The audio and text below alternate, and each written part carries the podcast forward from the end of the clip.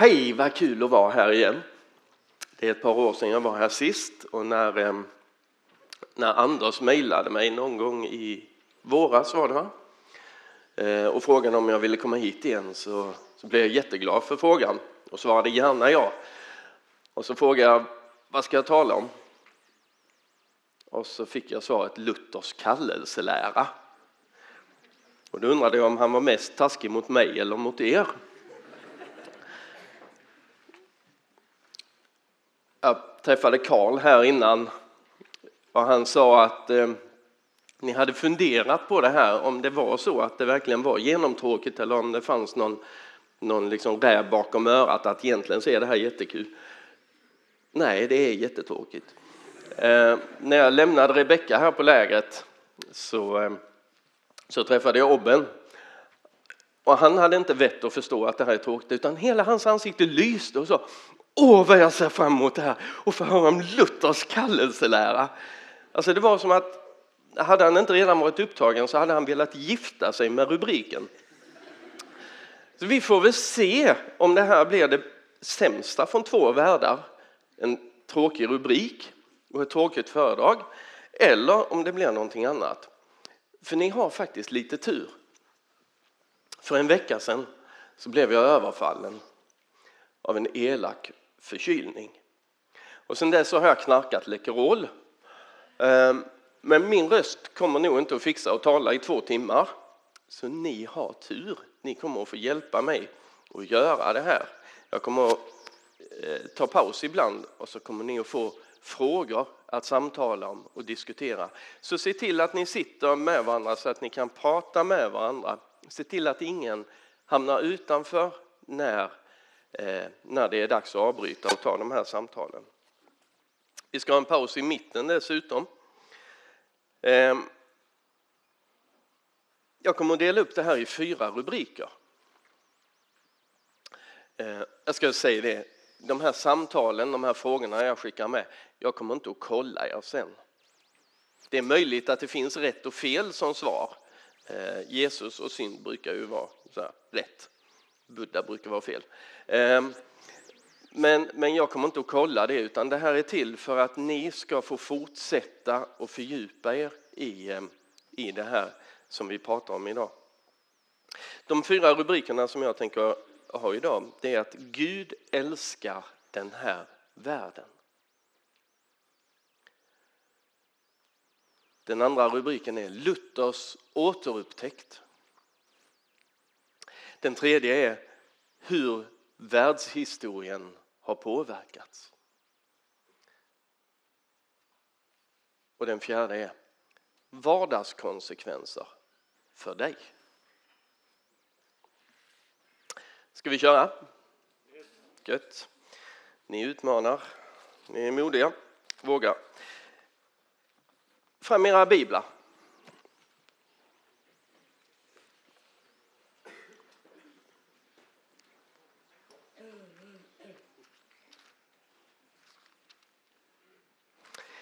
I första Mosebokens första kapitel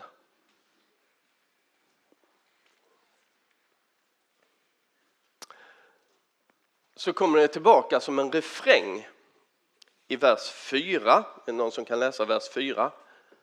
Den som hittar jag bara läser.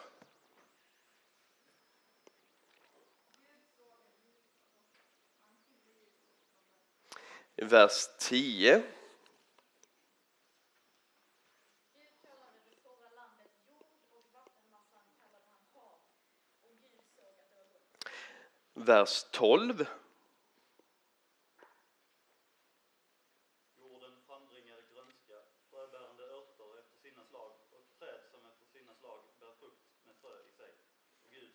var gott. Vers 18.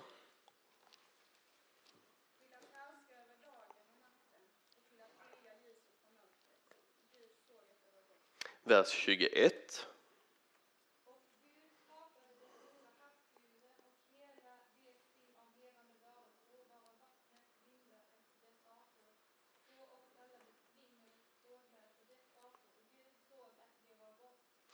Vers 25. Gud gjorde jordens vilda djur efter deras slag, boskap efter deras slag och markens alla kräldjur efter deras slag. Och Gud såg att det var gott. Och vers 31.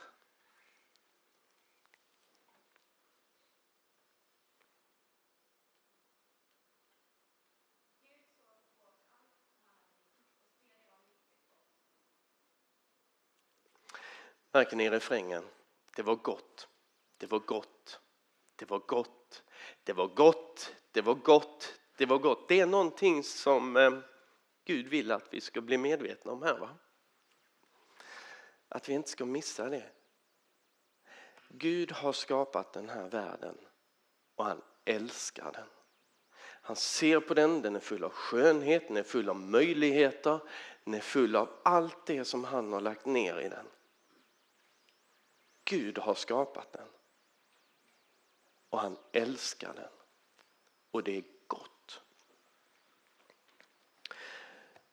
Och i den här världen så har han då skapat oss att leva.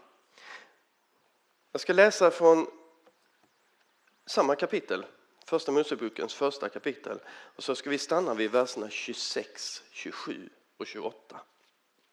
Nu läser jag ur Bibel 2000 Eh, och den som har en annan översättning kan ändå hänga med för det är inte så mycket som skiljer. Gud sa det. Vi ska göra människor som är vår avbild lika oss. De ska härska över havets fiskar, himlens fåglar, boskapen, alla vilda djur och alla kräldjur som finns på jorden. Gud skapade människan till sin avbild. Till Guds avbild skapade han henne. Som man och kvinna skapade han dem. Gud välsignade dem och sa till dem. Var fruktsamma och föröka er. Uppfyll jorden och lägg den under er. Härska över havets fiskar och himlens fåglar, över alla djur som myllrar på jorden. Alltså första Moseboken 1, 26-28. Nu vill jag att ni tittar på det här och så börjar ni samtala med varandra och berätta vad är det Gud har skapat människan till? Varför har Gud skapat människan? Vad vill han ha oss till? Jag menar, skaffar man en hund eller en katt så är det för att man vill ha sällskap eller ha någon som bär in tidningen eller eh, whatever. Varför har Gud skaffat människa?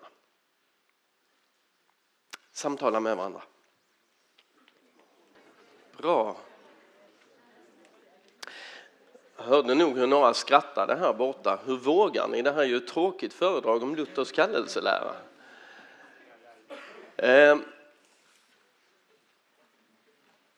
nu skulle det varit spännande att höra vad ni hade sagt, men, men jag lovade ju att inte kolla er.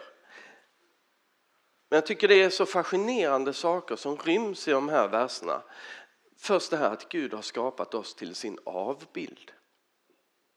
Människan är skapad att vara en vandrande avbild av Gud. En vandrande staty, ett, ett levande foto av honom. Eh, en avbild av Gud. Överallt där människan går fram på jorden så ska hela skapelsen liksom kunna ana sig till vem Gud är. Detta är vi skapade till. Detta är meningen med våra liv. Att vi ska vara avbilder av Gud. Lika kärleksfulla som han. Lika fulla av barmhärtighet och nåd. Men också fulla av auktoritet. Vi ska ha makt över den här jorden. Vi ska härska över den, står det i Bibel 2000. Eh, står det råda över i folkbibeln? Ja, det gjorde det i den gamla översättningen också.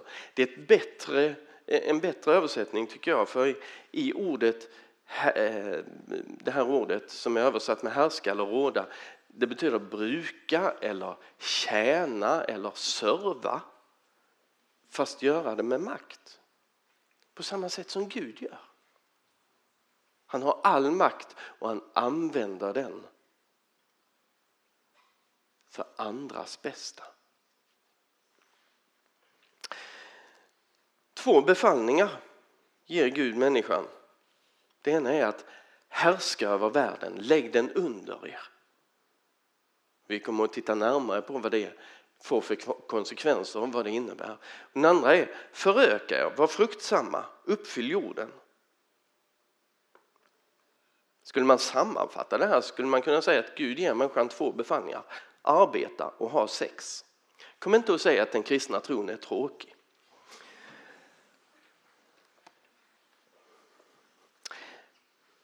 Det vi är skapade till som människor är att ära Gud med våra liv.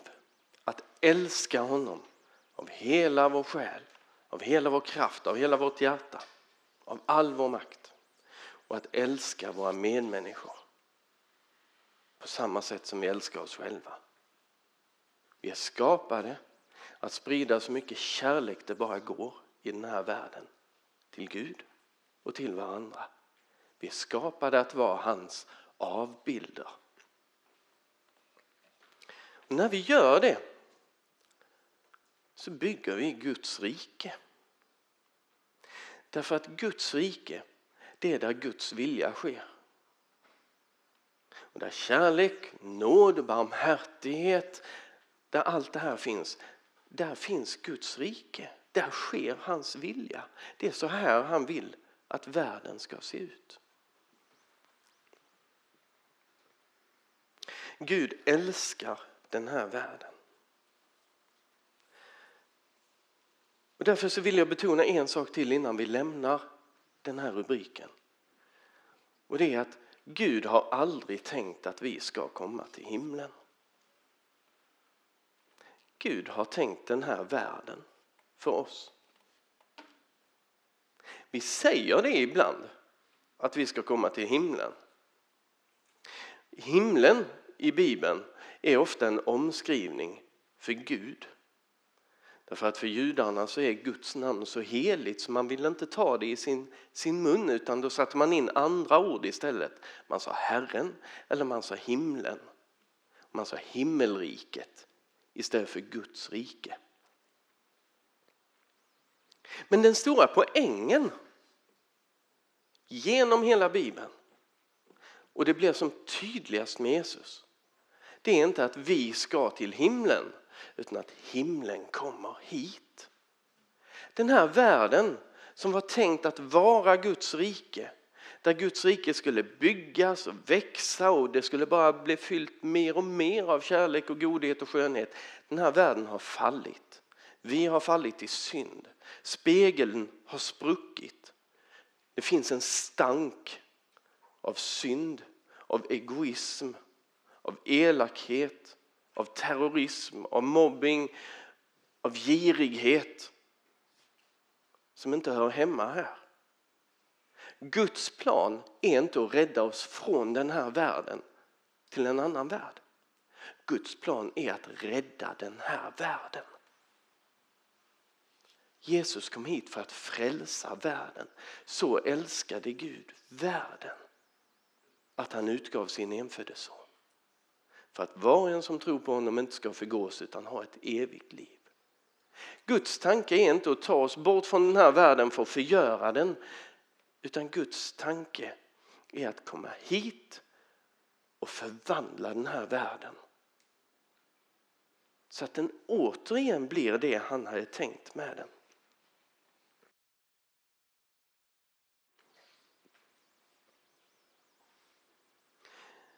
När vi dör så inträder en skilsmässa. Kropp och själ och ande skiljs åt. Kroppen begravs i jorden. Själen kommer till himlen, till Gud. Men det är inte det som är tänkt att vara det som är det eviga. Varje söndag så bekänner vi det dödas uppståndelse. Ordagrant står det kroppens uppståndelse. När Jesus kommer tillbaka kommer kropp och själ och ande att återförenas. Och vi kommer att förvandlas. Allt det som är synd, som är stank i våra liv kommer att vara totalt borta. Vi kan inte riktigt föreställa oss hur det kommer att bli men vi kommer att få härlighetskroppar på samma sätt som Jesu kropp efter uppståndelsen var en härlighetskropp. Det var ju hans kropp som uppstod. Han hade såren kvar, för livet är på riktigt. Men såren kunde inte skada honom längre. Såren kunde inte göra honom illa. Det var hans kropp, men han var herre över synden, över döden, över djävulen, över såren. Vi ska också få härlighetskroppar, kroppar som inte sjukdomar har någon makt över, kroppar som inte döden har någon makt över, kroppar som inte synden har någon plats i. Jag kan inte riktigt föreställa mig vad det är, vad det kommer innebära.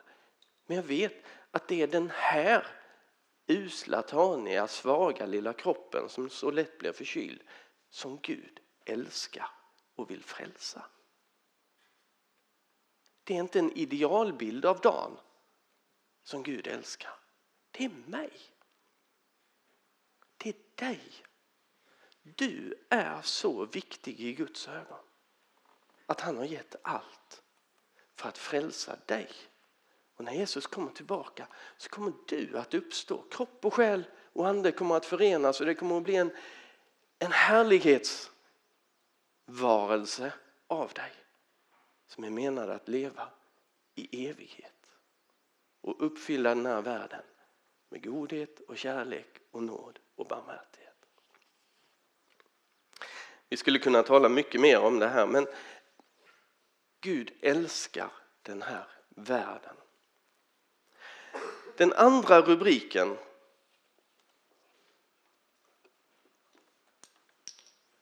som vi ska gå in på heter Luthers återupptäckt.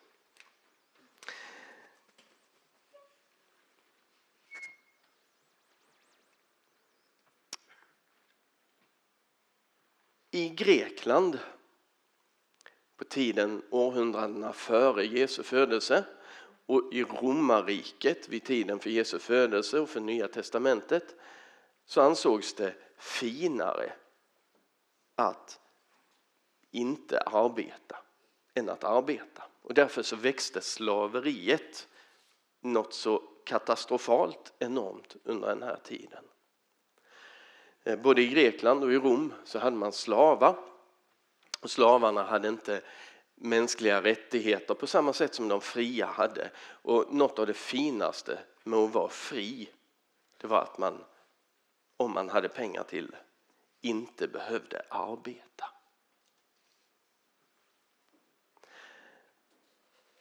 Det är en väldigt stor kontrast mot det som finns i Israel, i den judiska tron och det som vi ser hos Jesus och de andra i Nya testamentet. Vi hör ingenting om Jesus från det att han är 12 år eh, och går upp till templet med Josef och Maria till dess att Johannes döparen framträder när Jesus är omkring 30 år. Vad gjorde Jesus däremellan? Han jobbade. Snickarsonen jobbade. Han gick i skola och utbildade sig och han arbetade. Om arbete duger åt Jesus, då duger det åt oss. va? På samma sätt så är det med apostlarna. Jesus plockade var och en av apostlarna från vanligt folk som arbetade.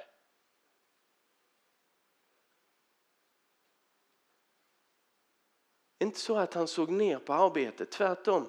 Det var just bland dem, bland de vanliga människorna som han plockade dem som blev apostlar i hans rike. Vi har Paulus. Han var hantverkare och han skrev så här till eh, församlingen i Efesos att de skulle arbeta så att de hade att dela med sig till de som behövde. Till församlingen i Thessalonike så sa han att sätt en ära i att arbeta med era händer. Märker ni vilken kontrast det här är mot synen på vad som är fint i romarriket och i Grekland, i kulturen som var runt omkring. Och det har naturligtvis sin grund i första Moseboken. Gud har skapat oss till att arbeta och verka i den här världen. Och så fortsatte det i den första kristna kyrkan. Biskopar och präster skulle självklart fortsätta med sina vanliga arbeten. Församlingen skötte man på fritiden.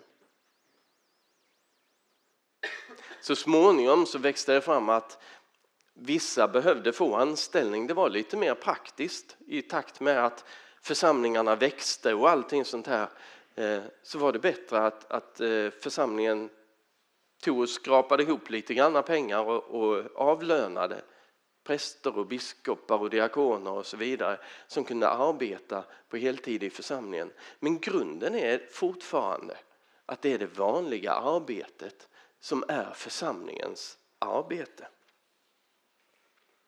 Och så småningom när man bildade kloster så hade klostren som ett av sina uppdrag i att fostra människorna runt omkring klostren hur man gjorde för att bruka jorden, vilka grödor som var bra att så och plantera, ehm, hur man skötte sitt liv, hur man arbetade bättre och fyllde sitt liv med en glädje och kunde se och utveckla ehm, den verklighet som man levde i.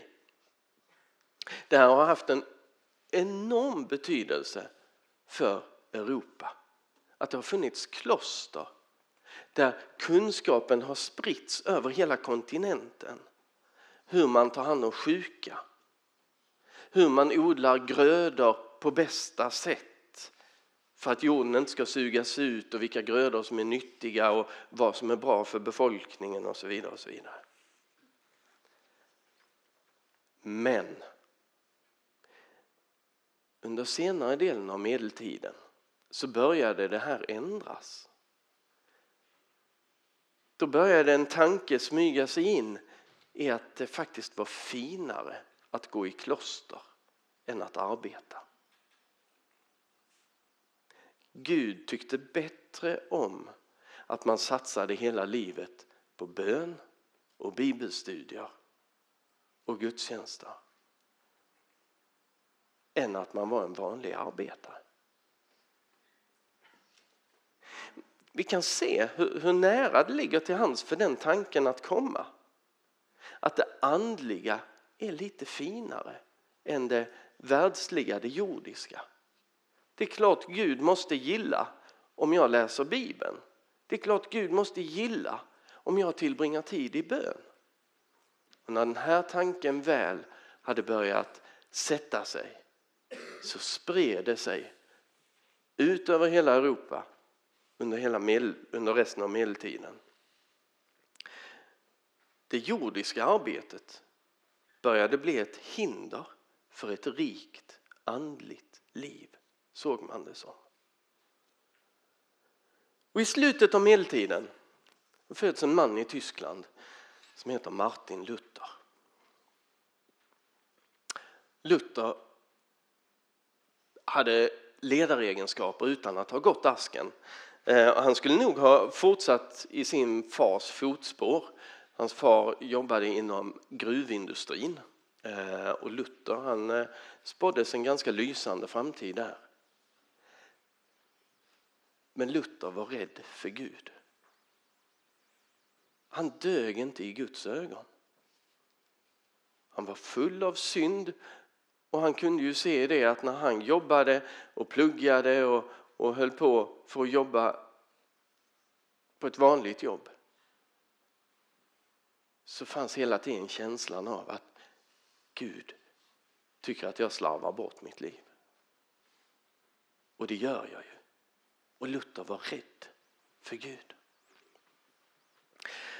Han var så rädd så att en gång när det åskade och blixten slog ner alldeles närheten av honom så gav han Gud ett löfte. Att om jag bara överlever det här åskovädret så ska jag bli munk istället för att jobba inom gruvnäringen.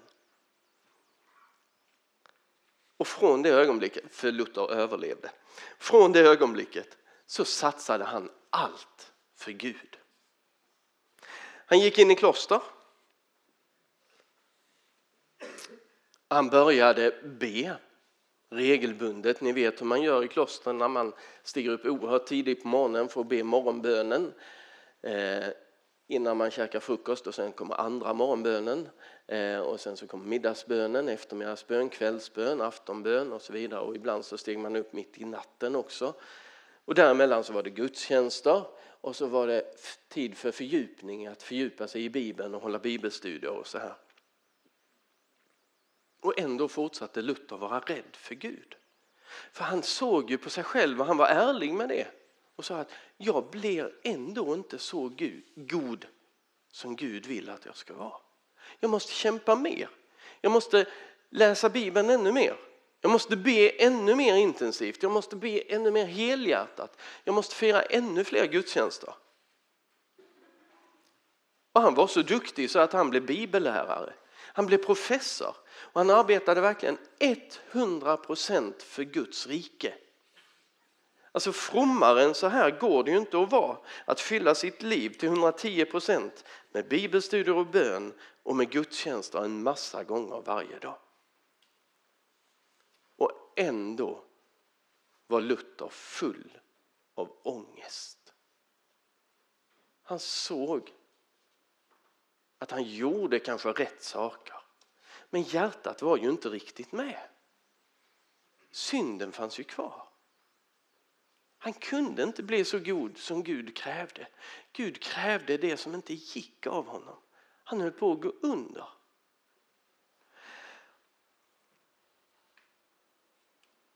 Men plötsligt, när Luther arbetade med en serie bibelstudier, först över Saltaren och sen över Romarbrevet, så bara upptäckte han någonting som, som hade stått där hela tiden, men som han inte hade sett, som han inte hade fattat. Och det var att rättfärdighet var ingenting som han själv behövde kämpa sig fram till. Det var någonting som han fick som en gåva av Jesus Kristus. Det han hade kämpat för hela tiden det hade Jesus vunnit åt honom. Det ger Jesus som en gåva. Äntligen kunde Luther tro på syndernas förlåtelse. Att han faktiskt var förlåten. Att det Jesus hade gjort räckte för att Gud skulle kunna se på Luther och vara nöjd och glad och stolt. Och det var det som satte igång reformationen 1517. Det här fick konsekvenser. Luthers upptäckt, eller återupptäckt. För eftersom nu Gud inte behöver all min energi, alla mina goda gärningar, 100 procent av min tid för att jag ska få det bra med Gud. För det har ju Gud redan fixat så kan jag ägna den tiden, energin och gärningarna åt det som faktiskt var meningen från första början. Nämligen att älska min medmänniska. Att fylla det här livet med så mycket kärlek det bara går till människorna som Gud sänder i min väg. Det här, sa Luther, det är vad som är din kallelse. Din kallelse är inte att bli munk eller missionär eller präst eller möjligtvis läkare. Din kallelse är att älska dina medmänniskor. Din kallelse är att leva ditt liv så att din nästa får det bättre och kan ana någonting av vem Gud är genom att du ägnar henne din energi, din tid, din kraft, din uppmärksamhet. Det är nämligen detta som är att älska. Att tjäna din medmänniska mer än att känna för henne. Kärlek är inte bara känslor. Kärlek sitter ute i händer och fötter och det man gör för sin medmänniska. Det är väldigt konkret. När du gör saker för din medmänniska av kärlek, då gör du samma sak som Gud. Då är du Guds medarbetare.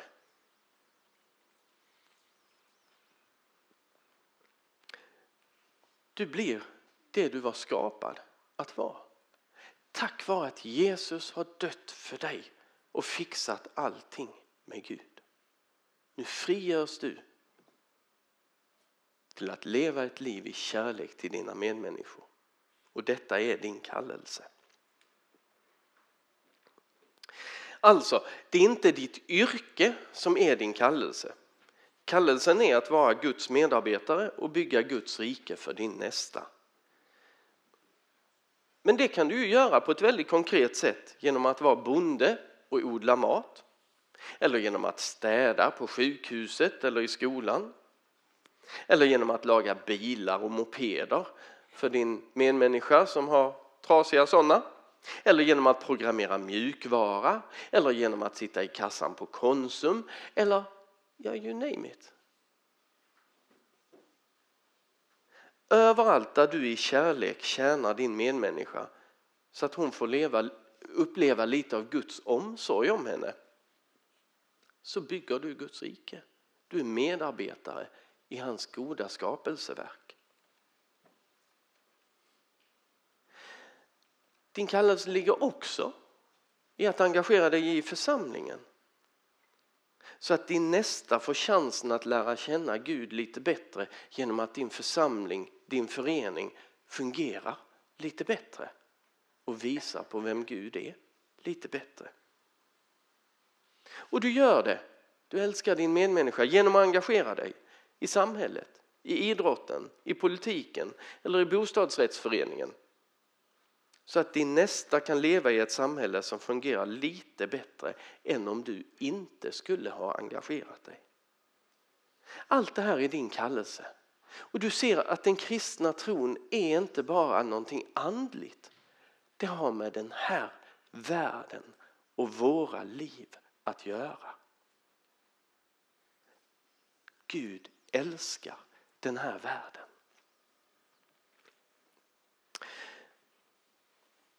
Men det är inte bara så att du bygger Guds rike för andra tillsammans med Gud. När du följer din kallelse. Gud gör någonting i dig när du följer din kallelse. Det här kallas för helgelse. Det verk som Gud gör för att förvandla ditt hjärta så att det blir mer och mer likt den person, den identitet som du menade att vara. Och det är genom vardagshändelserna. När eh, du och syskonen bråkar där hemma så är det precis i de situationerna som Guds ande vill leda dig, förvandla ditt hjärta, få dig att växa till att bli mer och mer sån som Gud hade tänkt dig. När du går till skolan på morgonen eller är på jobbet så är det precis där som Gud arbetar med dig för att förvandla ditt hjärta.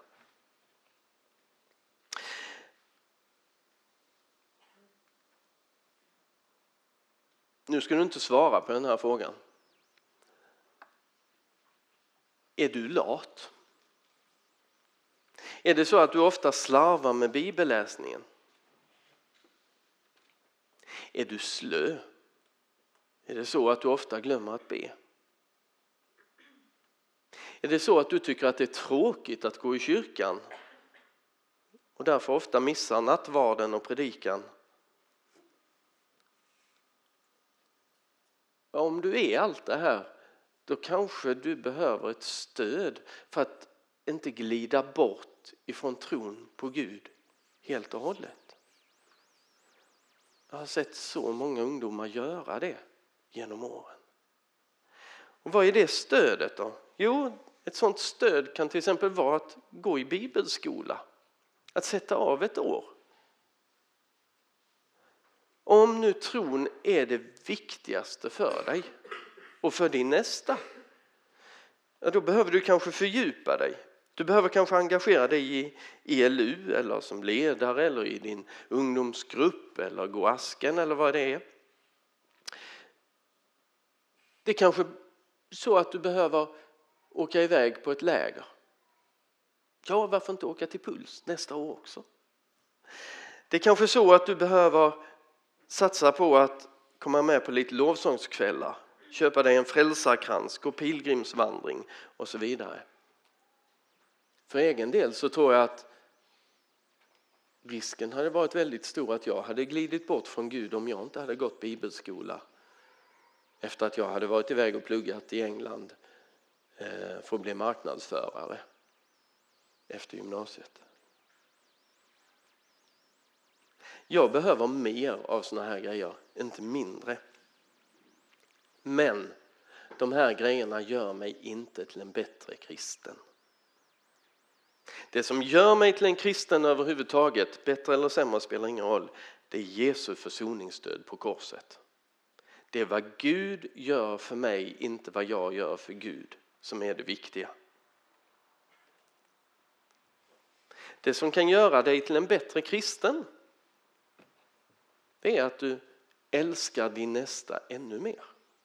Att du tjänar henne i vardagen och att du låter ditt liv mer och mer bli präglat av att inte satsa på dig själv utan på dina medmänniskor. Så nu så ska jag ställa en klurig fråga till er som ni ska få samtala om några minuter och sen så kommer vi ta en liten paus och så sjunger vi någonting eller? Ja, bra. Och den kluriga frågan är, vad tror du att Gud vill att du prioriterar? Att utbilda dig till ett yrke eller gå bibelskola? Varsågoda och samtala.